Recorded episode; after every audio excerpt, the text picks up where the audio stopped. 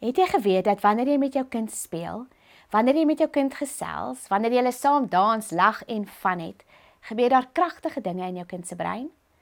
Positiewe voelgoedhormone word afgeskei, wat beteken dat jou kind veilig voel, geliefd voel en voel dat hy behoort. Dit is slegs as kinders so voel dat hulle optimaal kan groei en leer en ontwikkel. Speel en gesels en van verminder ook uitdagende gedrag. En voor jy jou oë uitvee, het jy 'n kalm, gebalanseerde en gelukkige kind op jou hande. Sit nader, dan vertel ek jou meer.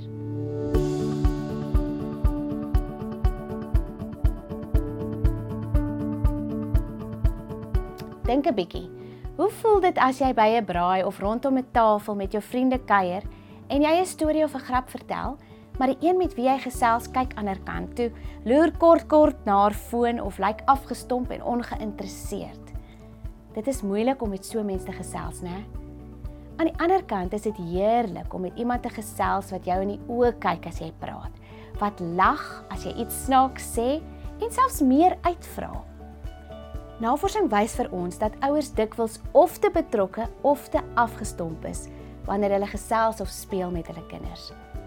Wanneer ons kwaliteit oomblikke saam met ons kinders spandeer, wanneer ons dink aan die interaksie wat ons met ons kinders het, is dit belangrik dat ons beskikbaar moet wees. Ons moet beskikbaar wees in dit wat ons doen, dit wat ons voel en dit wat ons dink. Hoe kan ons beskikbaar wees in dit wat ons doen? Ons kan ons foon wegsit. Ons kan die radio en die TV afsit. Ons kan fisies na ons kind draai met jou lyf en met jou gesigsuitdrukking vir hom wys dat jy beskikbaar is. Ek vang myself baie keer dat ek so besig is met my eie gedagtes of iets anders dat ek belangrike oomblikke met my kinders mis, veral as ons in die kar ry of as ek in die kombuis doenig is. My kinders hou my op my tone deur te sê: "Mamma, ek weet jy luister nie, want jy doen die mamma mm." Hulle het lankal uitgefigure dat die mamma mm is daardie mm wat beteken dat my kop eintlik iewers anders is. Toe een van my dogtertjies klein was, het sy eendag vir my oor die vinger getik en gesê: "Mamma luister nie." Waarop ek vinnig gereageer het: "Ek luister." Nee sê sy, mamma luister nie. Mamma moet luister met mamma se oë. Ek was uitgevang. Sy wou my oë op haar gehad het. Ek sien nou die dag weer op Facebook 'n mooi video. In die video is daar 'n paar seentjies wat saam basketbal speel. Hulle speel lekker, maar die bal rol weg en beland voor een van hulle bure se huis. Een van die seentjies gaan haal die bal en sien die seentjie wat in die huis bly. Hy's in 'n rolstoel. 'n Mens sien sommer die hartseer in sy oë toe hy die bal sien. Hy wil so graag saam speel, maar hy kan nie rondhardloop en rondspring soos die ander nie. Kort daarna sien ons weer dat die seentjies basketbal speel, maar hierdie keer is hulle almal in een of ander ding met wiele. Een van hulle het 'n stootwaandjie, een is op 'n klein winkeltrolletjie en die ander op 'n handgemaakte ding wat gemaak is van 'n skaatsbord met 'n mandjie bo-op.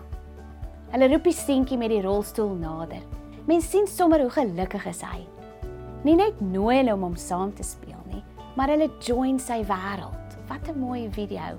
Een wat empatie en probleemoplossing uitstraal. Dit het my laat dink aan hoe ons met ons kinders moet connect. Nie net met ons belangstelling en empatie toon nie, maar ons moet ook fisies met ons kinders connect. Ons moet dalk op hulle vlak kom.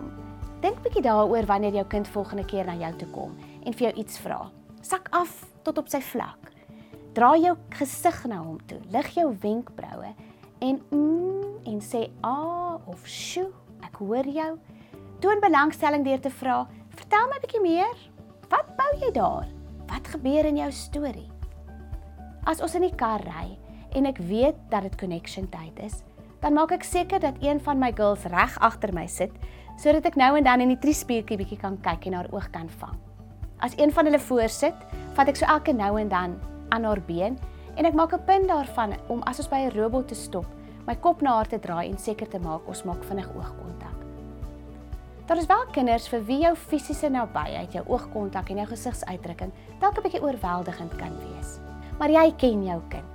Hou dan bietjie terug op daai oogkontak. Moenie daarop aandring nie en moet dalk nie altyd so fisies so naby aan hom beweeg of so baie aan hom vat nie. Ek hoor al hoe vra julle vir my. Maar as ek myself so beskikbaar maak, elke keer as my kind met my praat of vir my iets wil sê, sal my kind nie afhanklik word van my aandag en dan al hoe meer daarvoor vra nie? My antwoord is dit: nee, beslis nie. Ek daag jou uit. Selfs al is dit net vir 'n paar minute soggens voor skool. As jy in die kar ry, as jy smid daar by die huis kom of om die etenstafel sit voor jy gaan slaap. Wees 100% beskikbaar. Be in the moment.